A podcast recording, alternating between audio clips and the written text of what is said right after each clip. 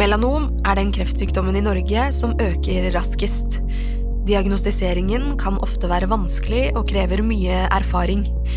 I en fersk originalartikkel publisert i tidsskriftet så har forfatterne sett på samsvaret mellom ulike patologers revurderinger av melanom og andre pigmentflekker som var fjernet og diagnostisert for flere år siden, og sammenlignet ny diagnose med opprinnelig diagnose. Og funnene de viser faktisk visse diagnostiske variasjoner. Det kan førsteforfatter Petter Gjersvik fortelle. Han er nemlig dagens gjest og er spesialist i hud- og veneriske sykdommer og professor. Hva sier resultatene om dagens diagnostiske kriterier? Og hvor tydelig er egentlig grensen mellom kreft og harmløse pigmentflekker? Mitt navn er Caroline Ulvin Johansson, og du lytter til Stetoskopet.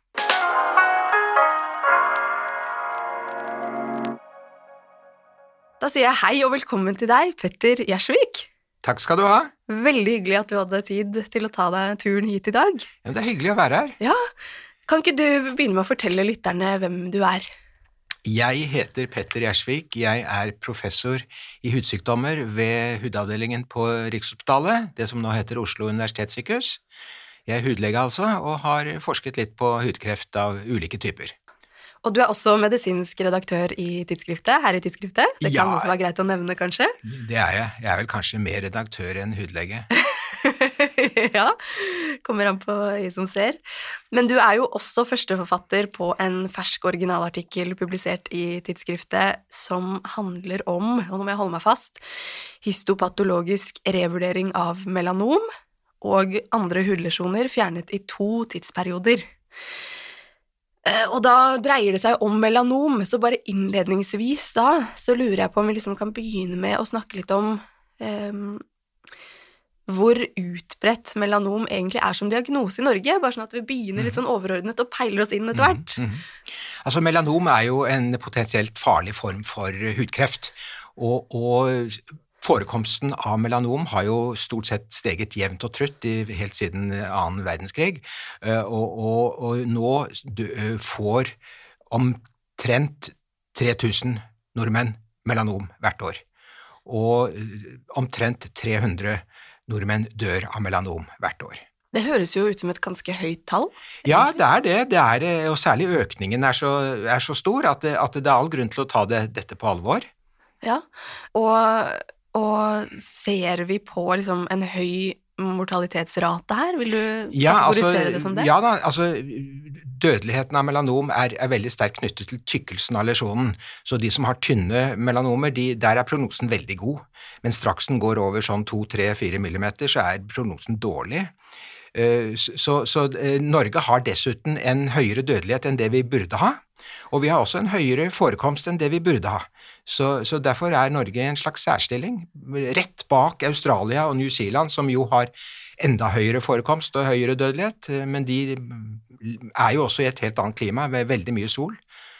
Ja, ja du skulle, jeg skulle til å si det. Det er jo nærliggende å tenke at der er det mye sol, Mm. da er det kanskje en naturlig forklaring på det, men hvorfor har vi nå liksom forklaring på hvorfor vi ligger så høyt i verdenstoppen? Ja, altså Strengt tatt så vet vi jo ikke, men vi tror det har sammenheng med sol eh, hos oss også. At eh, Norge og nordmenn er jo, er jo rike. Vi har anledning til å, å, å reise i, til Syden og sole oss mye, og, og når vi først er der, så må vi jo sole oss mye. Vi må benytte tiden, og da går eh, hyppigheten av solforbrenninger opp. Så det, kan, det er det vi regner med er forklaringen. Men det kan være også, som, som vi da har, eh, har tenkt på, eh, og mange har tenkt på, at, at det er slik at, det, at det patologene stiller diagnosen litt lettere i dag enn enn tidligere, at de har senket terskelen, så å si. Eh, Og, og, og det, det, er, det er uklart. Ja, og liksom, hvis du skal peke på noen risikofaktorer, da, hvilke er de største risikofaktorene for å utvikle melanom? Altså Risikofaktoren er, som jeg nevnte, eh, overdreven soling. Særlig solforbrenningsepisoder, og særlig i, i barndom. Eh, Og Det gjør jo altså at de med lys hud, særlig de med, med, med rødt hår og mye fregner, de, de har den høyeste risikoen. Eh, Men, men det er viktig å understreke at hvem som helst kan få melanom. De fleste tilfeller av melanom skjer jo hos folk uten særskilt risikofaktor. Ja, Og hvis man skal liksom tenke forebygging og begrensning, da Jeg har lest at Australia øh, blant annet har et sånt program for aktiv forebygging. Hvordan skal man best mulig kunne gjøre det? Eh, den beste forebygging er å følge hudlegene og Kreftforeningens råd om gode solvaner.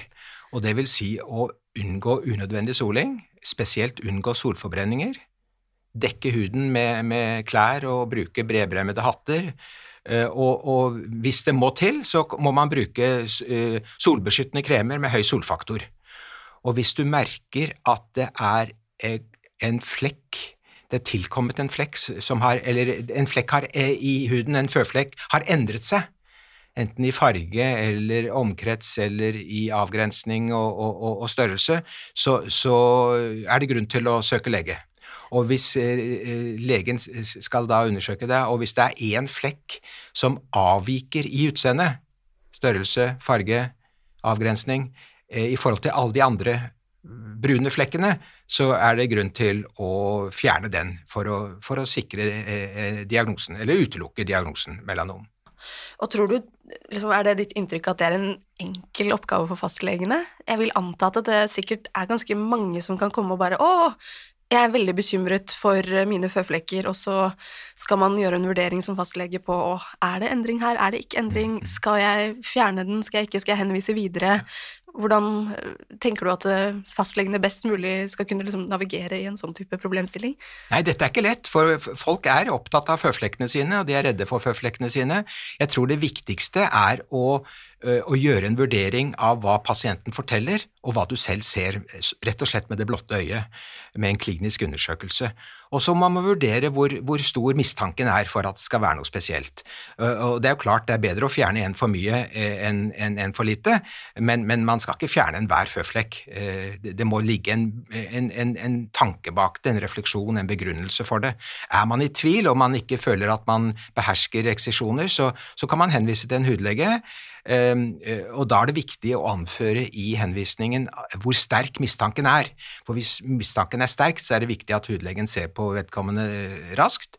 Eh, men hvis mistanken er svak, så kan jo vedkommende måtte vente pga. Av, av ventelistene. Ja, og når man da har fjernet en føflekk, så blir den i de fleste tilfeller sendt videre til en patolog for vurdering, sant? En flekk som fjernes fra huden skal alltid sendes til patolog. Man skal aldri fjerne noe uten å undersøke den av patolog.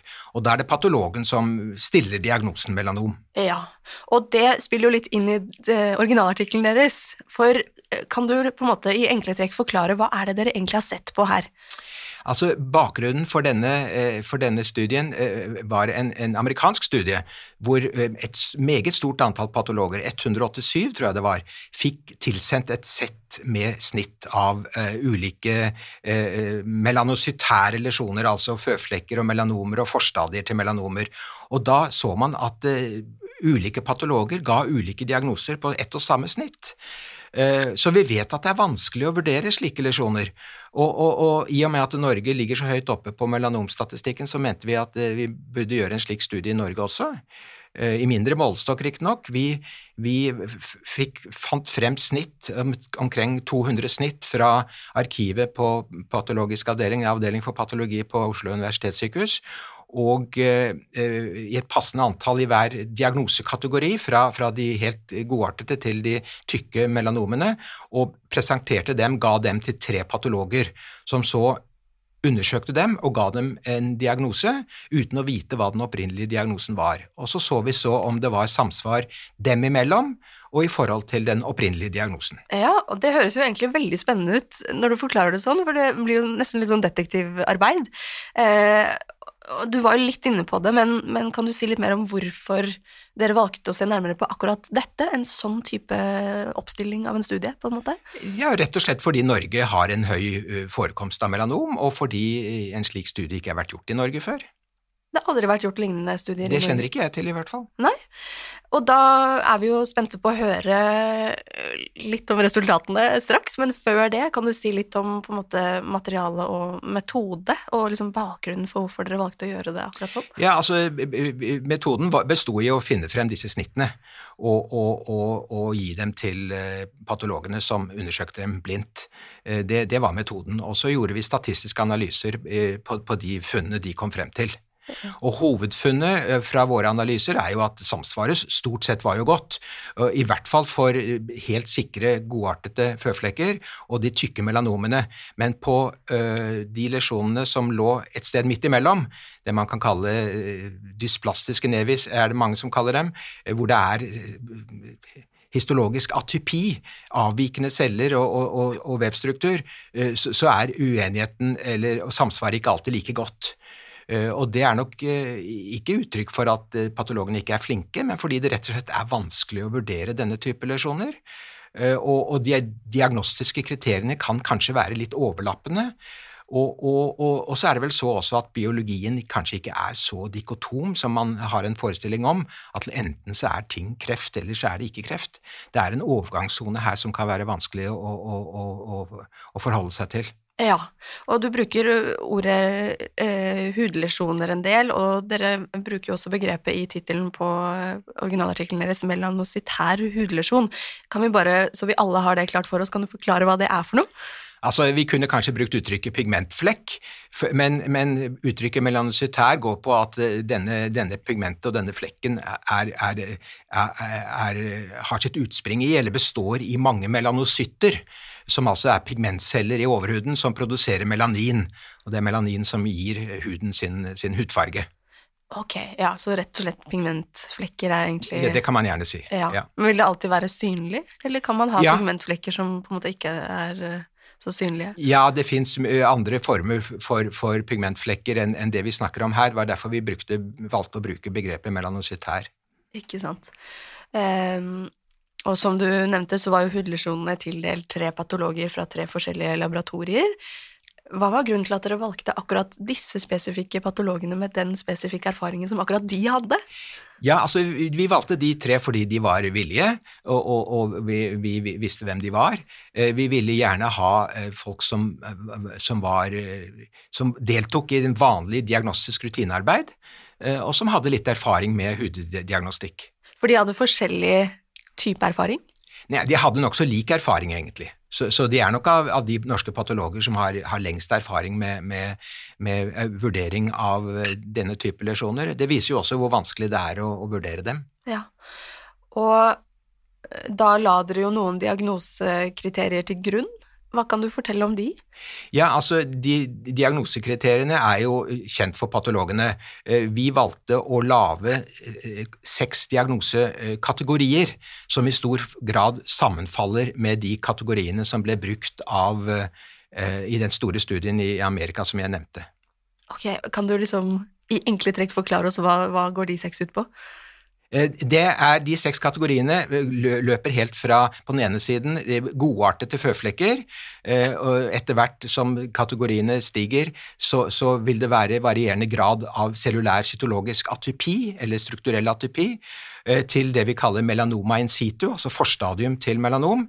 Og til sist tynne melanomer, superfisielt spredende melanomer, og til sist nodulære melanomer, altså tykke melanomer. Ikke sant, Så disse tar på en måte litt opp i seg også den gråsonen som du var inne på i stad? Det er riktig. Ja.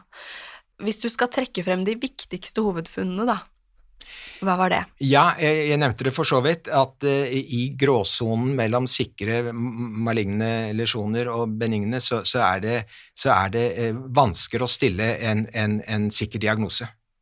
Eh, stort sett så er det sammenfall, men, men, men ikke så god, godt sammenfall i, i diagnosene eh, i dette gråsoneområdet. Nei. Og hvor stor eh, andel av revurderingene fikk en mer alvorlig diagnose i runde nummer to, hvis man kan kalle det det, ja. enn den opprinnelige? Vi hadde jo lesjoner fra 2009 og 2018 slash 19, og da var eh, samlet sett eh, ca. en fjerdedel eh, hadde en, mer, hadde en, mer, alvorlig diagnose enn en opprinnelig. Den andelen var noe høyere for lesjonene fra 2009 eh, enn de fra 2018 og 2019. Uh, og, og, og, og det, det, det, funnet, altså Den forskjellen der kan være utslag av tilfeldigheter, så man skal være veldig forsiktig med å trekke noen sikre uh, konklusjoner ut fra det. Men det kan tyde på at, at man er blitt man, at terskelen for å stille en, en, en, en, melanomdiagnose eller en mer alvorlig diagnose var, var høyere i 2009 enn i 2018. Okay. Men det er og blir en hypotese som, som vi ikke kan sies å ha, ha, ha bekreftet kan det også ha noe med å gjøre at den Ja, det er jo egentlig det du sier, at den diagnostiske praksisen har endret seg over tid? Ja, det er det vi lurer på, ja. Eh, og det er jo det vi hører også fra både unge og gamle patologer, at det er vanskelig å stille disse diagnosene. Eh, og, og patologer er jo som mennesker flest, vi, vi, og leger flest. Vi, vi, er, vi vil ikke ta feil, og vi vil ikke overse et melanom. Eh, så, så da, da, er det veldig menneskelig å se for seg at man liksom for sikkerhets skyld stiller en melanomdiagnose, men da på kanskje et litt usikkert grunnlag. Men dette er eh, hypotese. Det er hypotese, men hvilke, hvis man rent hypotetisk da skal tenke seg hva slags konsekvenser kan det få for en pasient eh, å få en på en måte mer alvorlig diagnose enn det kanskje Eh. Altså For en pasient så vil det ikke så, ha så stor betydning, Nei. fordi disse lesjonene skal uansett eksideres i, sin helhet, og da vil prognosen være eh, den samme uansett. Men det, vil, det som man kan tenke seg, er at Eh, eh, hvis man stiller diagnosen eh, melanom lettere i dag enn tidligere, så vil det gi seg utslag i, i den epidemiologiske registreringen, altså det, de, av melanom. Av nettopp det vi har snakket om, at kan, kan, noe av forklaringen for den sterke økningen i melanomforekomst, og da snakker vi særlig om den tynne variantene, kan det skyldes at, at terskelen for å stille diagnosen er blitt lavere. Ja. Det, det er uavklart. Det er uavklart. Hvis vi liksom beveger oss litt over til disse utfordringene knytta til diagnostikk, da, som du har vært inne på, hvorfor tenker du det er relevant å gjøre slike typer revurderinger? Altså, det er ikke det er relevant for å få avklart om, om, om det kan ha betydning for, som en delforklaring for den økende forekomsten av malignt melanom. Absolutt. Og det, det, er, det, har vært en, en, hissig debatt om dette både i Norge og internasjonalt. Nylig var det en stor artikkel i, i, i verdens ledende medisinsk-vitenskapelige tidsskrift, altså The New England Journal of Medicine, som nettopp fremmet denne, denne hypotesen om at den raske uh, veksten i forekomsten av melanom uh, skyldes overdiagnostikk at man tar for mange biopsier, stiller diagnoser på usikkert grunnlag og, og, og kaller det melanom hva slags konsekvenser kan det få med en praksis med overdiagnostikk, da? tenker du? At folk får behandling unødvendig. Ja. Eh, nå er det kanskje ikke den store skaden å få skåret ut et lite bit av huden, men, men likevel, det er, en, det er en, en, belastning, psykologisk belastning, emosjonell belastning å få diagnosen melanom hvis den er, ikke er, er, er, usikker. Men først og fremst dreier det seg om, om, om å få finne ut hvorfor den registrerte forekomsten av melanom har gått så høyt, høyt opp. Det, så det er, det er den viktigste grunnen til at vi gjør en slik studie. Eh, her er det ingen som er blitt behandlet feil. Det er noe, det er ikke snakk om feil diagnose. Jeg vil jo heller kalle det en usikker diagnose. Ja, og hvorfor er, det, hvorfor er det så vanskelig å skulle gjøre histopatologisk diagnostikk av pigmenterte hudlesjoner, da? Ja, det, det, det, er, det, er, fordi de diagnostiske kriteriene er basert i stor grad på skjønn. Så det blir et subjektivt skjønn fra, som kan da variere fra patolog til patolog. Og, og, og, og, så er det også det at man har det hengende over seg, at eh, her må man ikke overse noe som er, er farlig. Eh, det er jo et, et, et, viktig faktor, særlig i USA, hvor, hvor erstatningssøksmål jo eh, henger over enhver lege, både hudleger og patologer. I Norge er nok ikke den, den, den faktoren så fremtredende, men likevel, også norske leger ønsker ikke å ta feil og bli tatt i feil. Er det mulig å da spisse de diagnostiske kriteriene på noe vis som på en måte minsker den graden av skjønn i det hele? Nei, det, det er det som diskuteres i patologiske kretser. Eh, det er vanskelig å skille kreft fra eh, ikke-kreft. Hvis man snakker om liksom digital eh, intelligens og, og, maskinlæring og sånne ting, er det noe som er på bordet?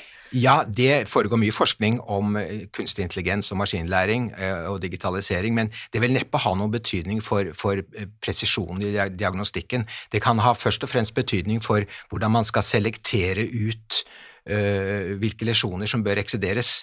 Og, og, kanskje også som en sånn grovsortering, første, førsteundersøkelser av, av, av histopatologiske snitt, som da skal måtte gjennomgå ekstra undersøkelser. Ja.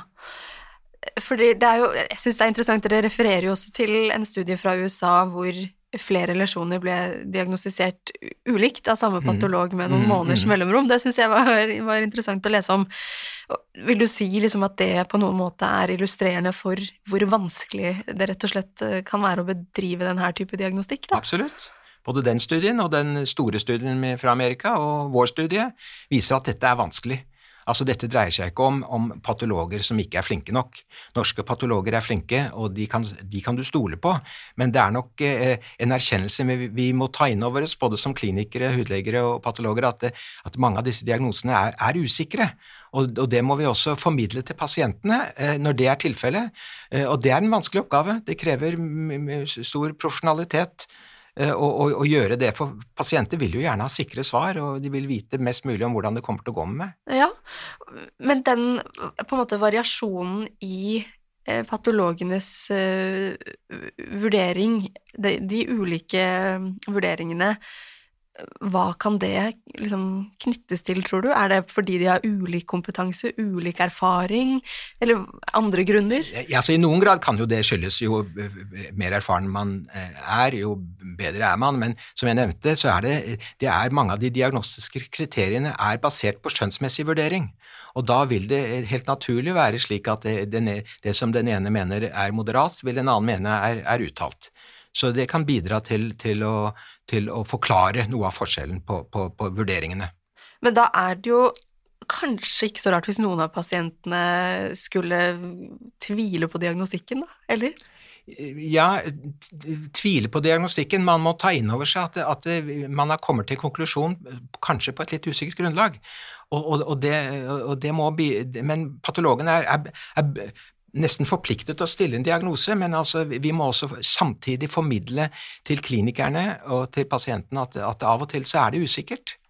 Og det, det, folk vil ikke leve med usikkerhet, men sånn er livet av og til. Sånn er livet av og til, og hva tenker du bør gjøres da, sett i lys av funnene i deres studie f.eks.? Ja, altså For det første vil vi gjerne gjøre en ny studie for å se om, om, om, om det har vært en, en gradvis uh, senkning av terskelen for å stille melanom.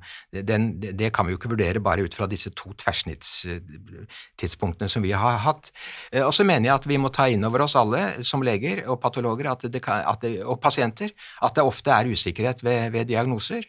Eh, I praksis så må vel også patologene eh, eh, få større anledning til å hjelp fra en, fra en, kollega om å vurdere snitt. Det gjøres jo i stor grad i dag også, men, men, det er jo klart de har et produksjonspress, de også. De skal se på flest mulig snitt for å få tingene til å gå rundt. Men for dette det krever tid og oppmerksomhet. Og kanskje bør vi, bør vi etablere en slags spesialgruppe for vurdering av av vanskelige melanocytære hudlesjoner. Så, så, det er en del ting vi kan gjøre. Spennende.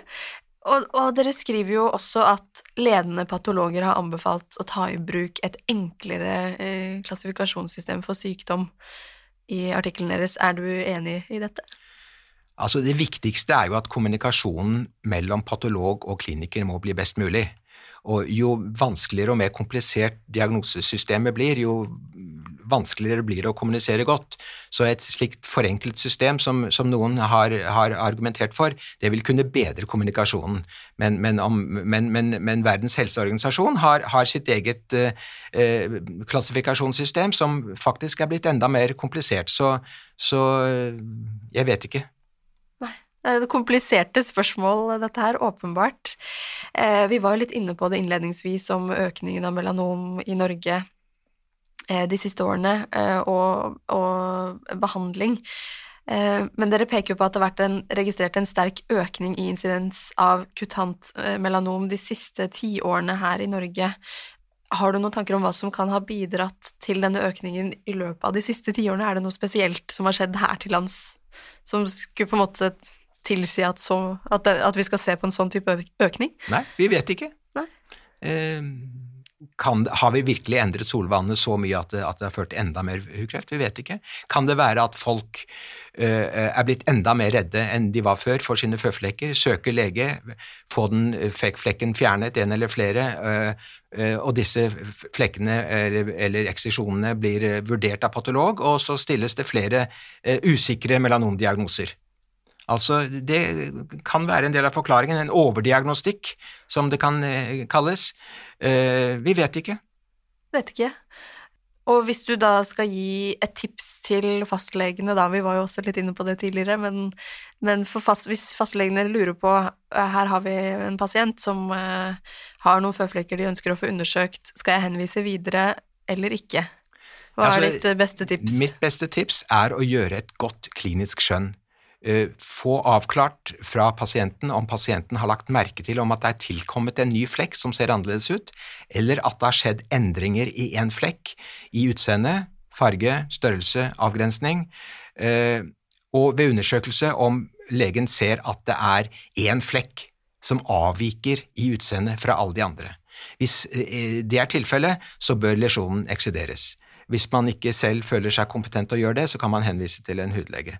Så man må alltid gjøre klinisk, eh, en klinisk vurdering. Altså enhver føflekk eller enhver pasient med føflekker skal ikke sendes til, til spesialist for å bli undersøkt.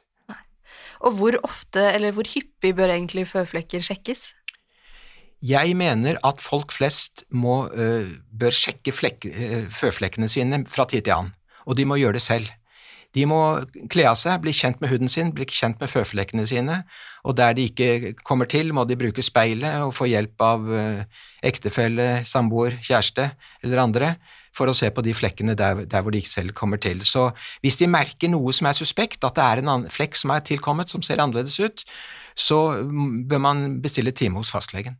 Ja, det var et godt tips. Er det noe du føler for å legge til, som vi ikke har vært inne på? Bli kjent med føflekkene dine. Eh, sunne solvaner. Eh, legen, fastlegen, må utøve et godt klinisk skjønn og gjøre en vurdering før han eh, eller hun sender en pasient til en hudlege. Ja, Det var noen gode oppsummerende ord. Da sier jeg tusen takk for at du kom til stetoskopet. Takk for at jeg fikk komme. Takk for at du lyttet til ukens episode av Stetoskopet. Dersom du skulle ha tilbakemeldinger til oss eller tips til temaer vi kan snakke om, så er det bare å sende i vei en e-post til stetoskopet at tidsskriftet.no. Neste uke så er Ragnhild Ørstavik på plass med redaktørens hjørne, og jeg er tilbake med en ny gjest i studio om to uker. Vi høres!